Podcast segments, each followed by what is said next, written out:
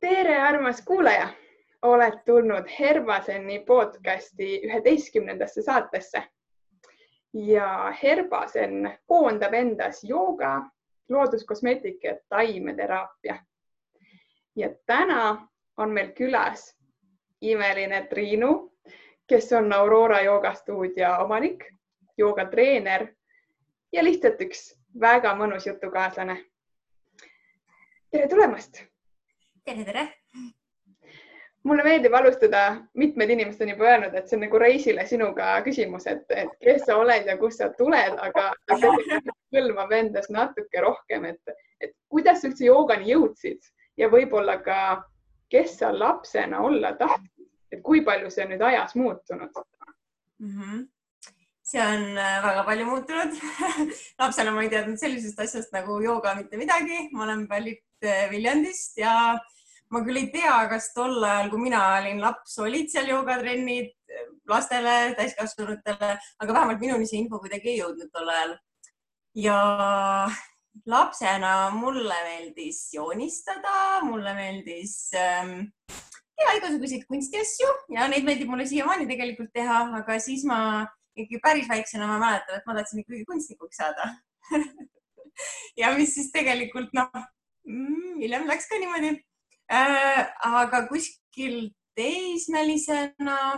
ma ei mäleta täpselt, kui vanalt, aga kas põhikooli lõpus või gümnaasiumi alguses ma, ma ei tea, kust mul see mõte üldse tuli, aga ma raamatukogust laenutasin joogateemalise raamatu ja see on tõesti huvitav, et ma üldse seda tegin, sellepärast et mul ei olnud lähedal ühtegi inimest, kes tegeles joogaga ja kus ma üldse seda sõna kuulsin, ma ka ei tea, võib-olla ma lihtsalt raamatukogust leidsingi selle ja ma laenutasin ühe raamatu. aga see oli selline no üsna keeruline raamat äh, teismelisele lugeda, et see ei olnud selline nagu paljud äh, võib-olla siuksed joogaõpikud tänapäeval on need hästi palju värvilisi pilte ja siis kirjeldatud hästi täpselt, kuidas poosi teha, vaid pigem oli niimoodi, et äh, hästi palju teooriat ja neid kriiasid ja selliseid teistsuguseid harjutusi. Ja siis see kuidagi tõmbas mind ja ma ikkagi proovisin selle järgi teha, aga see osutus ikkagi päris raskeks, et see jäi üsna kiiresti mul pooleli ja siis ma arvan, mingi aeg hiljem, võib-olla aasta või natuke rohkem, ma laenasin uue raamatu ja siis oli juba mingi selliste värviliste piltidega raamat. Ja siis selle järgi ma ikkagi praktiseerisin natuke kauem, üritasin teha, aga no nagu ette võib kujutada, et raamatu järgi on niimoodi, et vaatad, vaatad raamatut, siis teed poosi, vaatad raamatut, teed poosi, et äh, selline katkendlik äh, tegemine oli. Ja siis no see jäi ka pooleli ja ma ei teagi äh, kas ma täpselt isegi võib-olla ei otsinud, aga noh, nagu ma ütlesin, et siis ma ei teadnud, et minu linnas oleks olnud joogateemalisi mingisuguseid trenne, eriti just siis noortele ja lastele. ja kui ma kolisin Tallinnasse, siis ma arvan, et võib-olla ma olin aasta aega Tallinnas elanud, ma olin kuskil üheksateist, kahekümne aastane. et siis ma läksin ühte joogatundi, sest siin oli neid siis natuke rohkem või vähemalt ma nägin, nägin sellist informatsiooni ja mulle väga meeldis seal ähm,. tekkis hästi hea tunne peale tundi, et oli selline kerge enesetunne, aga natuke oli imelik ka, et selline, ma sattusin sellisesse tundi, kus olid sellised eakad inimesed ja siis mina olin seal üheksateistaastasena koos, koos siis nende prouadega et äh, ilmselt see oli ka suunatud siis noh, grupp oligi selline üldiselt ja ma ei tea, kuidas ma selle jälle leidsin, sest see toimus ühe vanalinnas ühe kooli aulas, lihtsalt selline joogaring. Et mitte isegi võib-olla, ma ei tea, kui palju neid stuudioid üldse tol ajal oli, aga igatahes mina siis jah, käisin seal esimest korda ja siis oli natuke sihuke, et ma ei tea, kui hästi ma siia gruppi sulandun. Ja siis ma rohkem sinna tagasi ei läinud. Ja siis jäi jälle pooleli mul, et see on selline noh, hüppeline teekond olnud, et äh, alustan, lõpetan, alustan, lõpetan. Ja siis äh,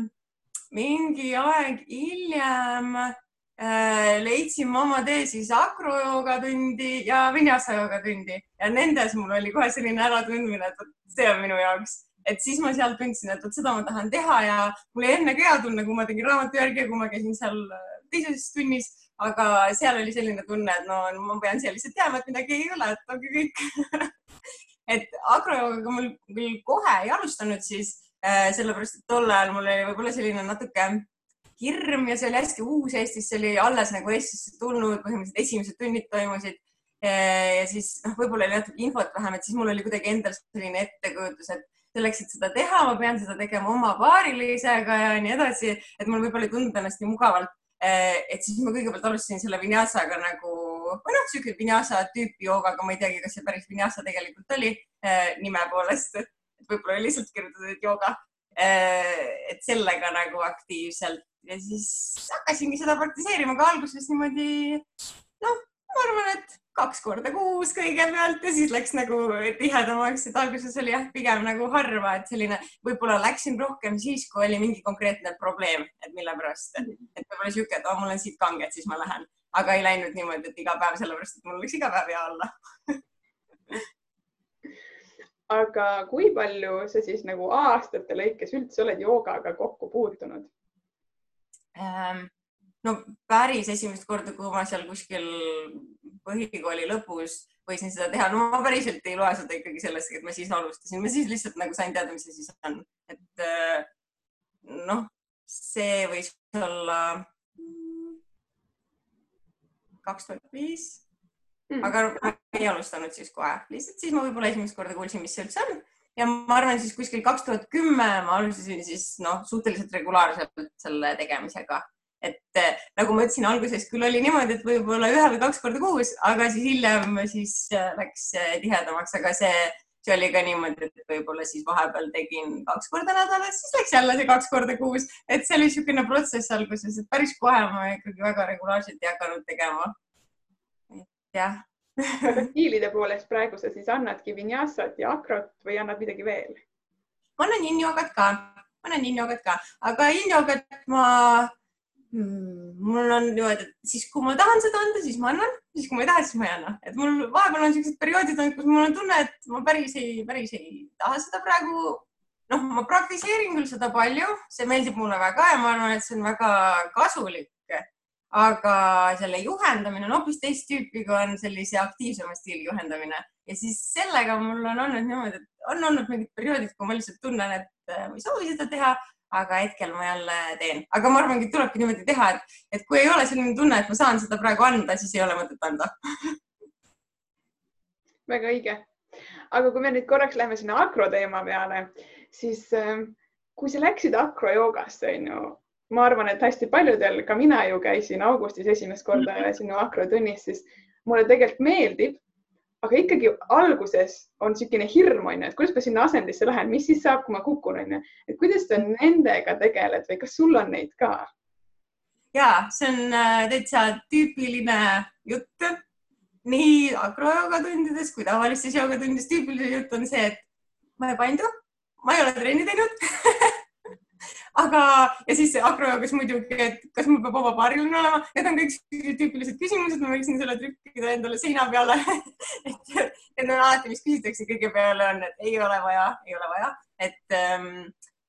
jah, et enamus asjade juures võib-olla akrojoogas on alguses just nende algajate harjutuste juures on takistuseks hirm, et äh, need harjutused ei ole tegelikult nii rasked, kui tehnikat teha siis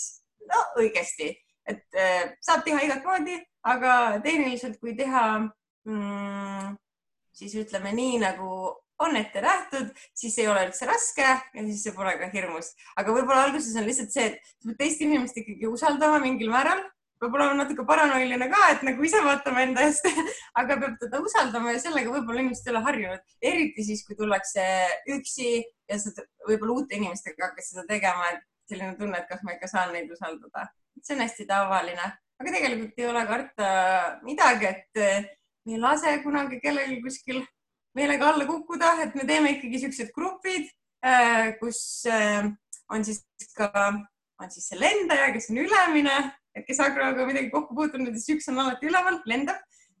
üks on all, tema nimetatakse baas ja siis on veel kolmas, võib-olla ka neljas liige seal grupis, kes on siis julgestajad. ja siis need julgestajad tegelikult, nende ülesanne ongi vaadata, et baasil ei kukuks keegi peale ja lenda ei kukuks alla. et tegelikult eh, sellist eh, ohtlikku momenti, eriti alguses nende harjutustega on väga raske saavutada aga see on vist eh, väga popp ka, mulle tundub, et on ju fun, sa nagu justkui teed trenni, aga sa ei mõtle sellele, et sa teed trenni. kuidas eestlased üldse vastu võtnud on akrojooga? ma arvan, arvan, et see on kasvav trend igal pool maailmas ja see on selline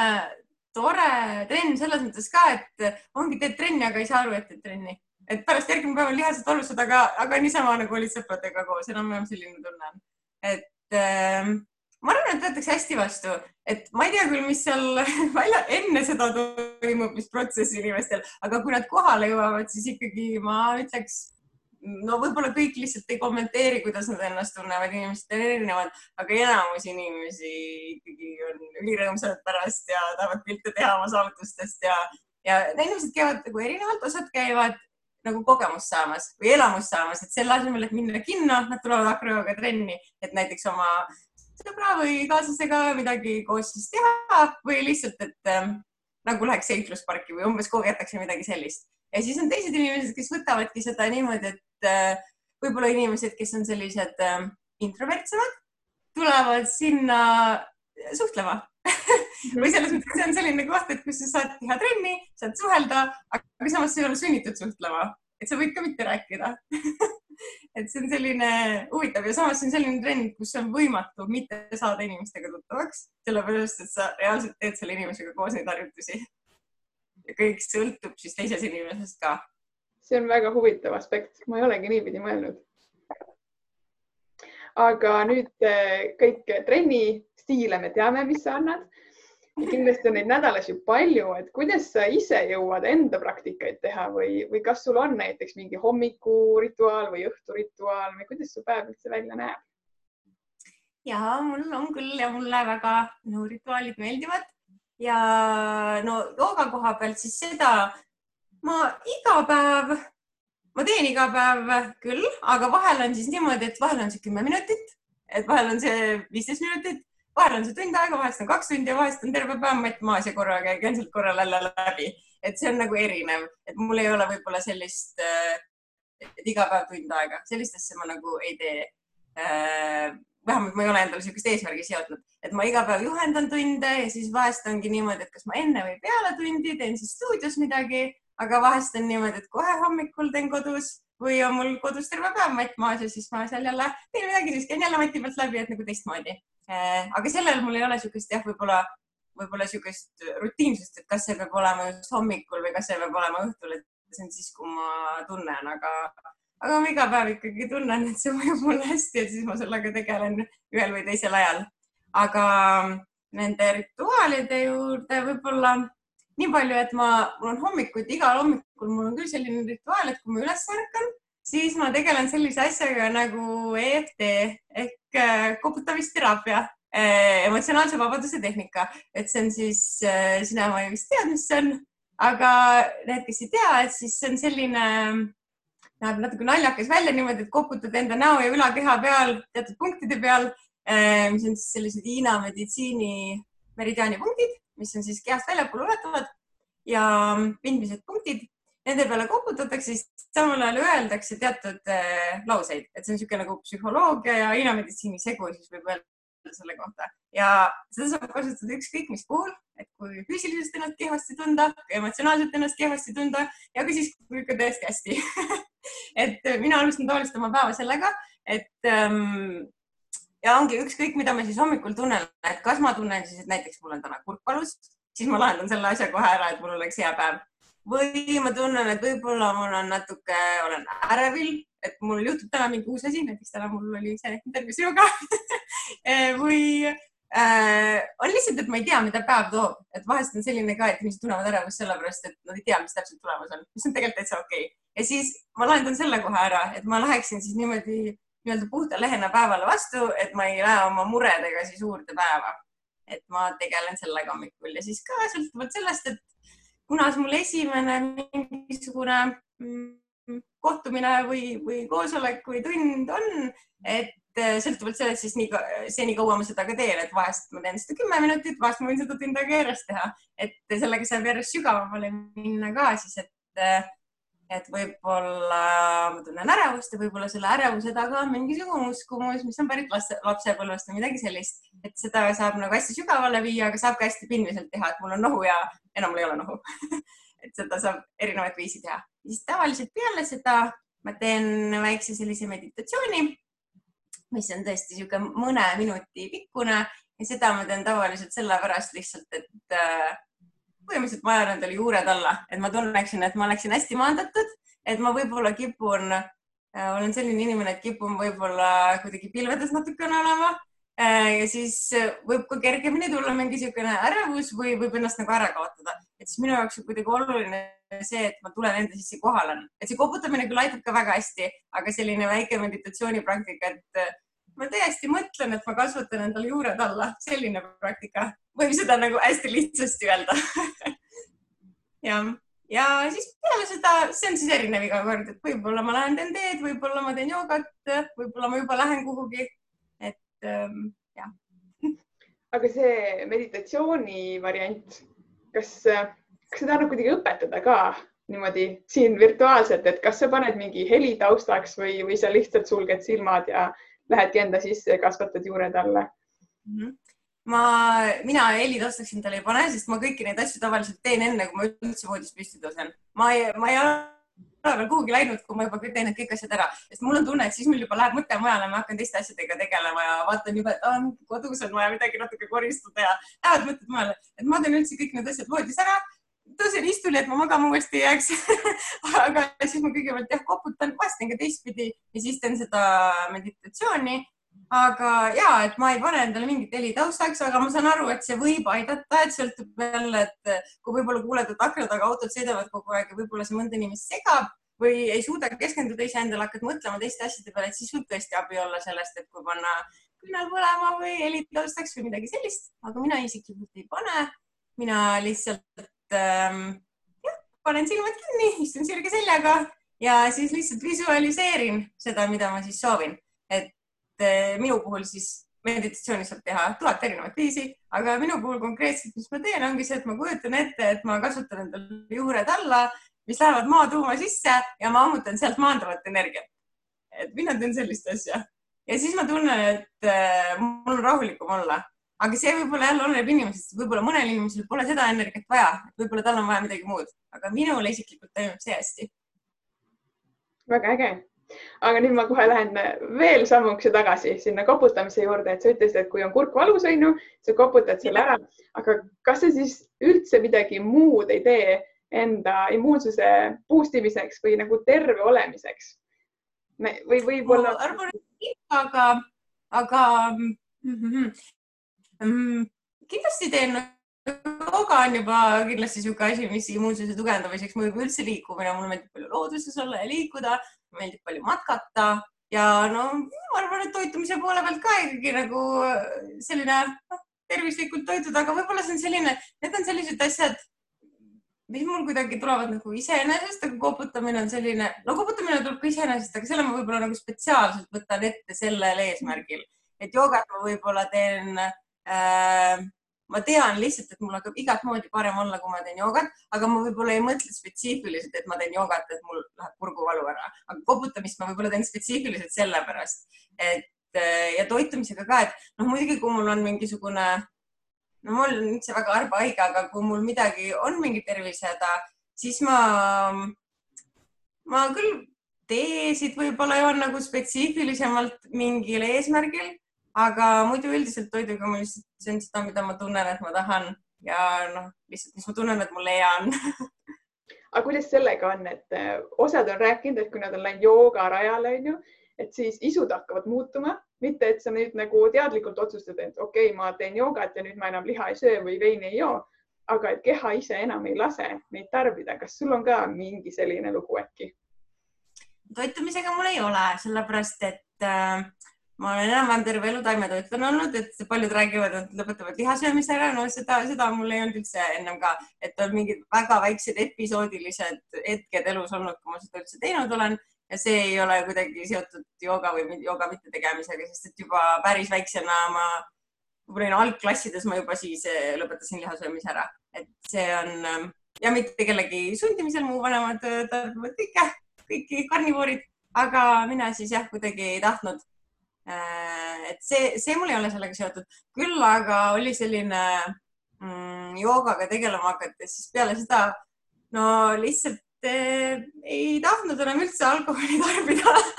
Et proovime mõelda seda, et, et,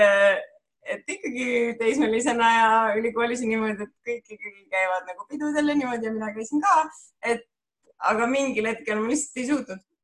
Üldse, null, läks täiesti ära et võib, võib öelda niimoodi, et eh, noh, praegu on niimoodi, et ma suudan ikkagi paar klaasi veini ära juua, kui mul vahest harva, kui ma soovin, aga,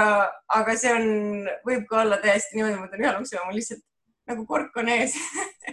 või ei taha üldse. et see on võib-olla selline asi, mis muutus kõige rohkem ja see juhtus mul täpselt sihukeses vanuses, kui noh, mm, kõik peod ja sellised asjad nagu toimusid, et eh, see on võib-olla jah, kõige, kõige spetsiifilisemalt selline asi, mida ma märkasin võib-olla oleks Taime Toitlaseks ka hakanud, kui ei oleks olnud, aga ja see on põnev, need on alati siuksed huvitavad kohad, et mõni võib-olla mõtlebki, et ta tuleb joogatundi ja siis ta peab kõigest loobuma, onju, et see tegelikult ei ole nii, et keha mingeid asju ütleb. ja see on ju huvitav, et millestki ei pea ise loobuma, aga see hakkab toimuma vastu, vastu tahtmist mõnes mõttes vastu tahtmist või niimoodi iseenesest ja ma küll kuidagi ei pannud endale ise piiri ette, lihtsalt ei olnud võimalik enam. see vist ongi see, et joogaga tegelema hakates, siis muutud järjest tundlikumaks, järjest rohkem hakkad mõtlema erinevate kehaosade peale, kuidas nad ennast tunnevad ja siis lihtsalt kõik hakkab reageerima sellele, kõik tavaelus ka, et kas mulle sobib selle söögi söömine, kas mulle sobib selle joogi joomine ja nii edasi, siis lihtsalt äh, kuulad muudkui oma keha ja lihtsalt keha ei luba enam teha mingeid asju mm. -hmm aga kuidas sul on suhted lugemisega, kas sa pigem loed või pigem ei loe ja kas sul on ka mõni lemmikraamat, mis ei pea üldse olema seotud joogaga? loen, mulle väga meeldib lugeda ähm,. see on ka, võib öelda niimoodi, et äh, kohati on ta nagu hoti olnud, et ülikooli ajal ma ei suutnud lugeda üldse, sellepärast et ma olin täiesti oma kooli asjadesse mm, sukeldunud hea meelega ja siis ma lugesin ainult siis erialaseid asju, et ma siis ei õppinud midagi joogaga seoses, olgu öeldud. Äh,. aga ja et äh, põhikoolis, gümnaasiumis, peale ülikooli, siis ma olen jah, väga-väga pigem, pigem loen palju, ma arvan, või siis ei tea ka, palju keskmine inimene loeb muidugi, mis on palju, mis on vähe, aga ja praegu ma mul see koputamise teema on ikka mul väga sihuke hingelähedane, see emotsionaalse vabaduse tehnika, siis hetkel ma loen sellega seoses äh,. loen sellise autori raamatut nagu Nick Portner, tal on hästi palju koputamise teemalisi raamatuid, tegeleb sellega üle maailma et kui kedagi huvitab, siis võib teda üles otsida näiteks. aga mul on erinevaid teemasid, ei ole üldse ainult jooga või ainult koputamisega erinevaid, loen elulugusid loen lihtsalt juturaamatuid, mis parasjagu tunne on, aga hetkel praegu ma loen seda. väga tore, aga mis sa veel teed, kuidas, kuidas su vaba aeg välja näeb? sa ei ole ju ainult joogaõpetaja. ja ma vaba aeg näeb välja selline, et äh, mulle meeldib hästi palju matkamas käia, mulle meeldib hästi palju looduses käia ja mm, suvel eriti ma peaaegu iga päev siis võtan sellise aja, et ma lähen kuhugi Äh, Tallinnas on nii hea, kõik on nii lähedal, et saab näiteks metsa minna linnas sees ka, et siis kas metsa või mere äärde või midagi sellist. Ja noh, sina tead, aga võib-olla kuulajad ei tea, et siis meil ju osad joogatunnid ka toimuvad looduses täitsa mere ääres. Just sellesama eesmärgil, et lihtsalt see on nii kaks ühes, et enam paremaks minna ei saa, et äh, muidugi seal on omad miinused, et siis võib keegi mööda kõndida ja rääkida samal ajal ja see võib segada, et stuudios jällegi on see, et sul on vaikne ruum, et, et on nagu selle võrra lihtsam, aga, aga jah, et minul on niisugune tunne, et et kui ma olen looduses, et siis see laeb mu akusid ise, ma ei pea midagi selleks tegema, ma ei pea tegema ühtegi meditatsiooni, ma ei pea tegema joogat või, või koputama, mul lihtsalt saavad akud täis looduses. et ma arvan, et see on selline asi, mida kõik inimesed võiksid mingil määral teha. Mõjuks hästi ilmselt. Ja sellega ma tegelen, ma tegelen joonistamisega, mulle väga meeldib joonistada, eluaeg on meeldinud, aga see on ka niimoodi, et see mingi aeg mul kadus ära. Mm võib-olla mitte ei kadunud ära, vaid kuidagi ma ei keskendunud sellele vahepeal, et võib vahepeal kuidagi oli niimoodi, et ähm, tegelesin rohkem joogaga ja siis joonistamine ja üldse sellised kunstiasjad jäid nagu tahaplaanile, aga siis mingi aeg ma selle enda jaoks jälle avastasin, et see mulle väga meeldib. ma olen ka õpetanud joonistamist aegade jooksul ja, ja üldse selles vallas tegutsenud rohkem, et hetkel ma teen seda küll vähem, nüüd ma teen lihtsalt oma hobiks äh, vahepeal disainin retuuse või ujumisriided või midagi sellist, aga kunagi ma töötasin täitsa siis äh, tööstusdisainerina, moedisainerina üle seitsme aasta äh, Eestis või võib-olla isegi Baltikumi ühes juhtimas ettevõttes selles vallas Äh, hetkel ma sellega niimoodi ei tegutse, et mul kuidagi need kaks valdkonda vahetusidki ära, et varem ma tegelesin siis rohkem siis moe ja kunsti ja selliste asjadega ja mm, vähem joogaga, et jooga oli hobi. Nüüd on vastupidi, et see jooga on siis nagu töö ja muidugi minu hobi ja kõik, kõik minu suured soovid ka, aga, aga siis see moe ja kunsti teema on võib-olla sihuke rohkem hobi, on nagu ära vahetanud mul aga vähemalt ei ole ära kadunud, see on positiivne. ei, et mul on kogu aeg mõlemad äh, meeldinud, lihtsalt ongi, et äh, proportsioonid on muutunud. Aga kuidas nüüd, kui me natuke jälle ajas tagasi lähme, võib-olla sinna, kus sa valisid eriala ja, ja võib-olla tutvusid joogaga, et kuidas su sõbrad sellesse suhtusid või, või kuidas su vanemad selle vastu võtsid, et kas nad on alati mõistnud või oled sa pidanud kuidagi seletama neile?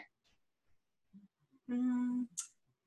vist ei ole pidanud, vanematele kindlasti ei ole pidanud.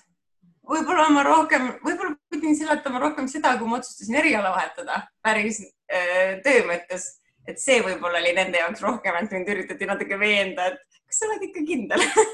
Ja see oli minu jaoks ka selles mõttes äh, ei olnud kerge otsus, sest et äh, ma olin ikkagi,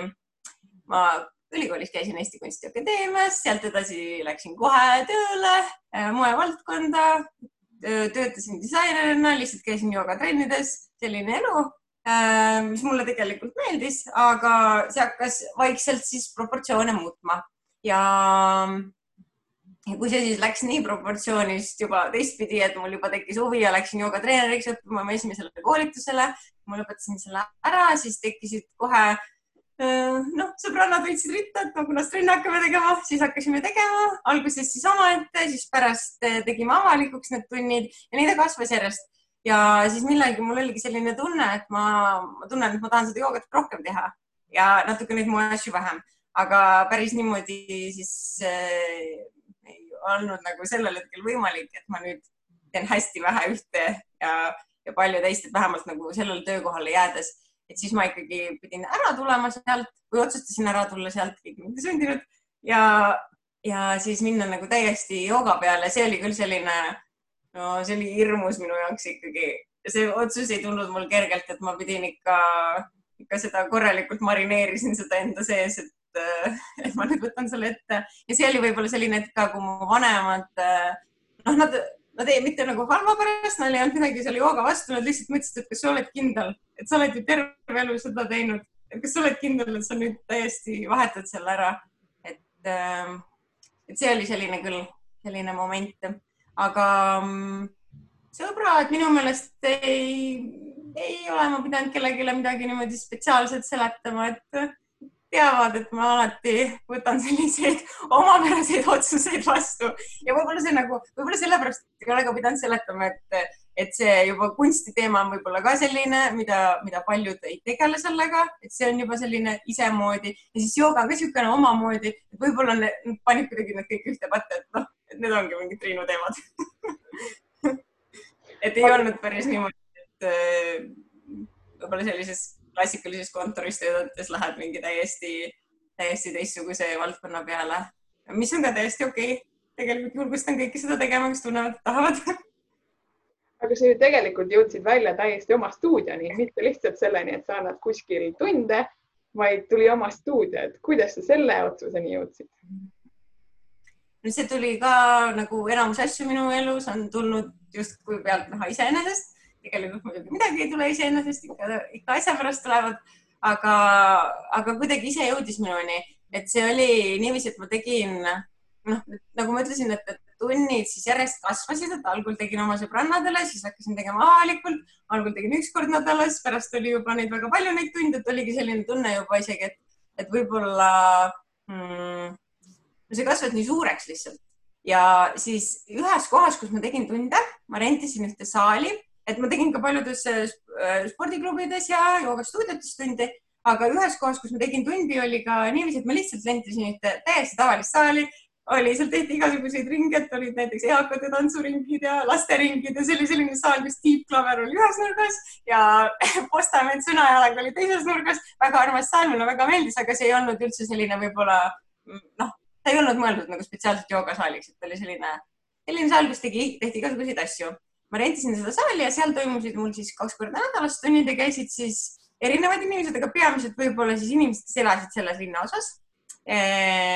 Ja noh, kõik teised tunnid, mis ma tegin siis äh, spordiklubides, stuudiotes olid nagu natuke teistes linna, linnaosades või teistes kohtades linnas, siis ma sõitsin niimoodi mööda linna ringi. Ja kuidagi, kuidagi toimis, aga siis ähm,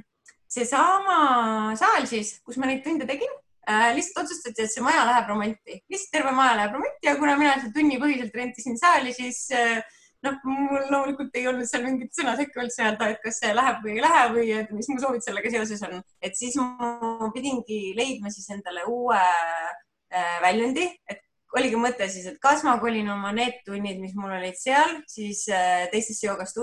joogastuudiotesse või spordiklubisse, kus ma üldse ei teadnud, kas neil on mulle aegu pakkuda või ei ole ja kuidas üldse nendega läheks. Või siis ma otsin mingi järgmise sellise saali. Äh, kõigepealt ma otsisin muidugi sellele täiesti samasugust alternatiivi, et ma otsisin siis saali, mis oleks samas linnaosas, soovitatavalt umbes kõrval majas ja sama, samade omadustega. no seda ma ei leidnud, siis äh, minu meelest see tuli mulle täiesti niiviisi, et äh, ma olin juba noh, võib-olla lootust kaotamas on võib-olla palju öelda, aga olin juba niimoodi, et no ma ei tea, mis sellest saab, et võib-olla ei saagi mitte midagi. Ja siis ma lihtsalt kirjutasin Google'i otsingusse enam-vähem saal trenn, midagi sellist. Ja tuli mulle vaste isegi mitte kinnisvara leheküljelt, vaid mingisugune, ma ei tea, ma ei mäleta isegi, mis leheküljel see oli, mingi kuulutus lihtsalt, et meil on selline saal, sellised ruumid ja see oli täiesti selles mõttes renoveerimata ja äh, kui ma näitasin seda teistele, siis nad olid, et millest sa mõtled? ei aga mina mõtlesin, et oh see on nii ilus, et see on täpselt õige, kõik on õige. ja siis ma läksin seda vaatama ja ma võtsin sinna teise inimese kaasa ja siis temal oli nagu kindel ei ja minul oli selline tunne, et see on see koht. ja no nii ta tuligi, et siis äh, just läks niimoodi hästi ka, et äh, tegime selle lepingu ära ja äh, selle lepingu tegime kevadel ja suveks oli sinna teine huviline. et täpselt tahtis rentida kolm kuud ja mina ei tahtnud suvel avada et siis, siis läks nagu eriti hästi. kuidagi niimoodi ta mulle tuli ja sealt ta kasvas, et oli küll natuke hirmus ka, et kuidas see kõik olema saab, sellepärast et polnud nii suurt vastutust olnud varem eh, selle koha pealt, et ikkagi kellegi teise juures tundi teha on võib-olla teine tunne kui, kui see, et see on nagu enda pesa ja teised teevad sinu juures tunde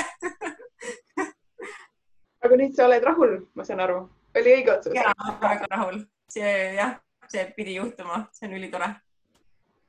aga nüüd, kui sa seal tunde annad või ka varasemate kogemuste põhjal, kas sul on äkki mõni lõbus lugu rääkida, kui keegi on trennis näiteks midagi avastanud või, või mingi poosiga mingi ahaa-hetke enda jaoks saanud? Või on neid nii palju, et need lihtsalt ei ole praegu meeles mm? -hmm. Mm, üks lugu tuleb kohe meelde, võib-olla see tuleb mulle sellepärast meelde, et seda hiljuti minuga jagati. üks inimene, kes on käinud tundides aastaid, saatis, teemani, siis sellel ajal nüüd, kui me kõik pausil olime, et siis ta selle saatis, võib-olla oligi kõigil aega lihtsalt mõtiskleda ja siis ta otsustas, et annab tagasisidet ehm, tuli ootamatult, sest loomulikult ma ei oodanud talt kirja, kui me oleme juba mitmeid aastaid koos käinud ehm, saatis kirja, et on nii hea meel, et ta leidis mu tunnid. tema siis alustas minuga juba seal teises saalis kuskil mujal, on minuga pool linna läbi reisinud ja nüüd siis jõudnud meie Aurorast jogastusesse. Äh, ja kirjutas, et algul, kui ta tuli, siis vaatas, et kõik teevad pea peal seisu minul on siis selline komme, et ma iga tunni, iga vinyasa tunni lõpus siis äh, me teeme pea peal seisu ma tean, et see on inimestel erinev ja ma kedagi ei sunni seda tegema, aga ma alati olen valmis ka täiesti nullist inimesi kohe õpetama seda tegema ja minu meelest see on üks asi, mis paistab välja tunduvalt hirmsam, kui see on ja enamusel tuleb esimese korraga välja. et põhiasi, mis seal on, on hirm ja peapealseisul on ka miljon eri viisi, et ei pea tegema siis seda pulksirget peapealseisu, mis siis enamus mõtlevad, et see ongi ainult, ainus viis peapealseisu teha. mitte enamus, aga võib-olla siis traditsiooniliselt või niimoodi, kui jooga võõras inimene mõtleb, mis see pea peal seisab, siis see on see. Ja siis ta selle peal oli intrigeeritud, ei tahtnud üles minna ja ma ei mäleta enam mitu kuud, aga ta ikkagi ütles, et no kolm-neli kuud võib-olla või rohkem, võin natuke mööda panna, täpselt ei mäleta, kuidas ta kirjutas, et vaatas pealt, kuidas teised teevad, siis hakkas pusima ja sellel kuupäeval, kui ta mulle kirjutas, siis oli saanud hmm, aasta aega siis seda, kui ta pea peal seisu teinud et siis ta õppis pea peal seisu ära, et tal oli nii hea meel, et see on võib-olla selline viimane lugu, mis mul tuleb meelde, mis on hästi tore ja ka, et siis asja mõte on selles, et esialgu ta lihtsalt kartis, et sellepärast ei proovinud, siis kui proovis, siis tuli välja, nüüd teeb usinasti pea peal seisu kogu aeg. see on väga lõbus. ja, ja väga tore, et sa tõesti teed iga tunni lõpus, ma arvan, et minu jaoks ka on olnud pea peal seis üks niisugune raskemaid asju, kuhu jõuda, aga see ongi see, et ka tavaelus on see plokk, on ju, et see ei ole alati mati peal. See on jah selline huvitav asi, et no loomulikult seal, see ei ole ainult niimoodi, et Äh, ainult hirm võib-olla takistuseks, seal võib muid asju ka olla, aga väga-väga tihti on see hirm. ja no loomulikult on see, kui inimesel hakkab halb, no ei tasu minna, ei ole, ei ole kohustuslik, aga paljudel inimestel ei hakka halb, ei ole mingeid vastunäidutusi, lihtsalt kardavad, et aga mis siis juhtub, kui ma kukun ümber? See on põhihirm, et mis inimestel on, aga see on jah huvitav eh,. huvitav jah, eks neid poose on veel, aga võib-olla pea peal seis on selline Eh, suhteliselt lihtsasti kättesaadav selline poos. ja no akrojoogas on enamus poose siuksed muidugi aga kas sul on endal eh, mõni lemmikasend ja, ja võib-olla mõni asend, mis ei ole üldse sinu lemmik mm? -hmm. Ähm, no mul on lemmikasend akrojoogas või no ühed lemmikud asendid, mis mulle väga meeldivad, aga võib-olla mm, ma ei tea, kui lihtsasti seda on aru saada, kui ma seda nimepidi ütlen aga ma mõtlen tavalisest joogast, mulle meeldivad kõik sellised äh, käte peal balansseerimised võib-olla, siuksed varesed ja mingid üleminekud seal käte peal, pea peal seis mulle väga meeldib. et võib-olla, mis, miks mulle üldse akrojooga ahvatles alguses ka, on see, et see on nagu trikkide õppimine. No muidugi see on palju muud ja jooga on ka palju muud üldsegi trikkide õppimine, aga see on võib-olla see, mis mind selle vinyasa ja akro juurde kõigepealt üldse tõmbas, et see on selline ähm, ja võib-olla see, mis on selle juures lahe ka, on see, et kui keskenduda väga täpselt tähe, siis oma tasakaalu hoidmisele, väga raske on mõelda oma päevamuresid, kui seal oma kümne sõrme peal ainult tasakaalu hoiad. väga raske on mõelda selle peale, et millised mured mul elus praegu on. et võib-olla see on see, miks tekitab selle hästi hea tunde ka. lisaks sellele siis, et oh, mul tuli välja nagu trikkidega ikka. et, et ja väga raske on mati peal niimoodi mõelda, et huvitav, mis ma õhtusöögiks söön et siis peab ikka keskenduma sellele asendile ja siis tekib hea tunne, et pea läheb täiesti tühjaks. et jah, sellised tasakaaluasendid mm, ei olegi nagu tavajoogas võib-olla niisugust ühte lemmikut, äh, aga akrojoogas on selleks asendiks äh, eesti keeles öeldakse tagurpidi täheasend ehk siis reverse star, et see on selline minu üks lemmikuid, mida teha mm,. see on ka selline tagurpidi taeva poole, jalad taeva poole, ainult siis oled teise inimese jalgade peal ja siis noh joogas siis loogiliselt on mul pea peal seisud ja kas sellised käte peal tasakaaluasendid mulle väga meeldivad. Eh, lisaks meeldivad mulle väga puusade avamised. Ja sellega on huvitav lugu selline, et kunagi mulle üldse ei meeldinud puusade avamised, minu meelest see oli kõige jubedam harjutus, et kui ma joogakoolis käisin, siis ma mõtlesin, et kui me neid puusade avamisi tegime, ma mõtlesin, et ma suren ära sinna, et mul oli nii raske.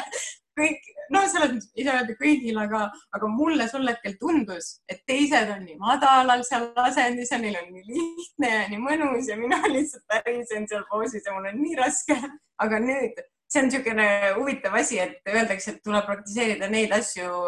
mis, mida ei meeldi praktiseerida. Ja ma võin öelda, et see on küll niimoodi, sest mulle ei meeldinud neid üldse teha, aga ma tegin ja ma noh, joogakoolis siis noh, noh, ei saa öelda, pidin tegema, sest ma olin seal vabatahtlikult, aga, aga no ikkagi see oli nagu kava osa, et siis me ikkagi nagu tegime neid. Ja siis nad hakkasid mulle meeldima, sellepärast et nii palju pingeid tegelikult vabastab see, et ongi, et miks ei tule tihti asendid välja, on see, et selles kohas on lihtsalt pinge ja see tuleb vabaks lasta. et ehm, noh, iga, iga, igasuguseid asju siis oleks lihtsam teha, et puusade avamise puhul siis on lihtsam istuda, on lihtsam kõndida, igasuguseid igapäevategevusi teha, kui, kui siis seal pingeid ei ole, mis minul siis tol ajal olid et see on niisugune huvitav lugu, need mul on nüüd ka ühed lemmikud, siuksed siis venitused, mis on puusadele suunatud. aga jah, need mulle varem üldse ei meeldinud. mm.? Praegu mul on võib-olla selline keeruline suhe nende asendiga, mis vajavad siis avatud õlgasid, et see on minu praegune pusimine. et äh, anatoomiliselt need, see luistik mul seal õlavõõtmes ei ole nii lahti, kui mulle meeldiks. Aga siis see on jälle niisugune asi, et mm, nagu nende puusade avamisega, et okei okay,, ma siis tegelen sellega ja ma pean äh, sellest siis läbi tulema. Või noh, ma ei pea, aga ma arvan, et see on hästi sarnane olukord. selline, et mul on ebamugav, aga, aga, aga see lõpptulemus äh, on siis see, et mul on pärast hea tunne ja kindlasti need on mul head mu lemmikud asendid siis ka. väga äge aga kui sa nüüd lugesid üle, kuidas sul füüsilisel kehal on ju ja jooga on mõjunud sinna, siis äh, kui näiteks küsida, mida jooga on sulle andnud läbi aastate veel, kui sa oled praktiseerinud, et kas sa ka tavaelus äh, oled märganud näiteks, et joogast on kasu olnud? ma arvan, et see teeb, äh, mis see minu jaoks kõige rohkem on teinud, on teinud seda, et ma olen iseendaga rohkem tuttavaks saanud mm,. no siis alustades sellest, et Äh, kui hästi ma saan aru, mis mulle üldse elus sobib, et siis kas toidu, joogi, söögiga ja ka kõikide olukordadega ja üldse, mis olukordadesse ma ennast äh, nagu pannud olen varem, et võib-olla mm, varem ma arvan, et äh, ma ütlesin jah rohkem sellistele asjadele, millele ma tegelikult ei tahtnud öelda jah. ja sellepärast, et ma lihtsalt ei võtnud seda aega, et mõelda või tunnetada, et kas see tegelikult mulle sobib, et ma lihtsalt äh, tahtsin nagu hea inimene olla, ütlesin jah igaks juhuks ära. aga, aga ma arvan, et see joogaga tegelemine niimoodi, et lihtsalt peab paratamatult, võib-olla ka tegelikult teiste trennidega, ma lihtsalt ei ole nii palju kokku puutunud, ma ei oska öelda. võib-olla on ka mõnes teises trennis niimoodi, et sa mm, tegeled sellega ja sa pead lihtsalt koordineerima oma keha ja, ja mõistma nagu, mis sõnumeid su keha sulle annab. aga joogas on see eriti, see on lihtsalt selle asja kogu mõte, et, et seal ei saagi sellest ümber, ilma et tunnetaksid, et võtad selle asendi, et kus see venitus siis on põhimõtteliselt ei saagi ilma poose teha. Ja see tuleb lihtsalt nii mööda minnes, niimoodi salaja hiilib ligi see, et äh, teed mingisuguseid füüsilisi asendeid, õpid mingeid trikke ja siis hiljem vaatad, et ahah, et ma ei taha enam veini juua näiteks, et äh, need kuidagi tulevad ise. Ja jah, ja see sihuke üldse endaga tuttavaks saamine, et üks on see füüsilises plaanis siis, et mis mulle sobib, aga teine on siis selles plaanis, et mida ma tunnen, äh, et mis mulle ka muus elus sobib et kus mulle sobib näiteks aega veeta. varem ma võib-olla ei käinud üldse nii palju looduses, sellepärast et ma ei teadnud, et ma, mul üldse seda vaja on. ma lihtsalt ei, ma ei suutnud seda, mul ei olnud seda ühendust üldse ehm,. ma võib-olla ei saanud nii hästi aru, et ehm, kui palju mul on puhkust vaja, et mis on okei okay. ehm, et mis on hea tunne hommikul ärgates. ma arvan, et ma ei teadnud neid asju, et ma lihtsalt ärkasin ja läksin kohe, hakkasin toimetama ja ma ei, ma ei mõelnud niimoodi, nagu ma praegu mõtlen üldse. et see on niisugune salakava asi, et ei pea jah olema vaimne, painduv ega, ega sportlik, et joogaga tegelema hakata, aga need kõik hakkavad ilmnema, see on paratamatus see on väga hea paratamatus. jah. aga siia lõppu ma nüüd küsin oma lemmikküsimuse. et kui me nüüd võtame kõik tiitlid ära või ametid, mis sul iganes on, siis kes on Triinu?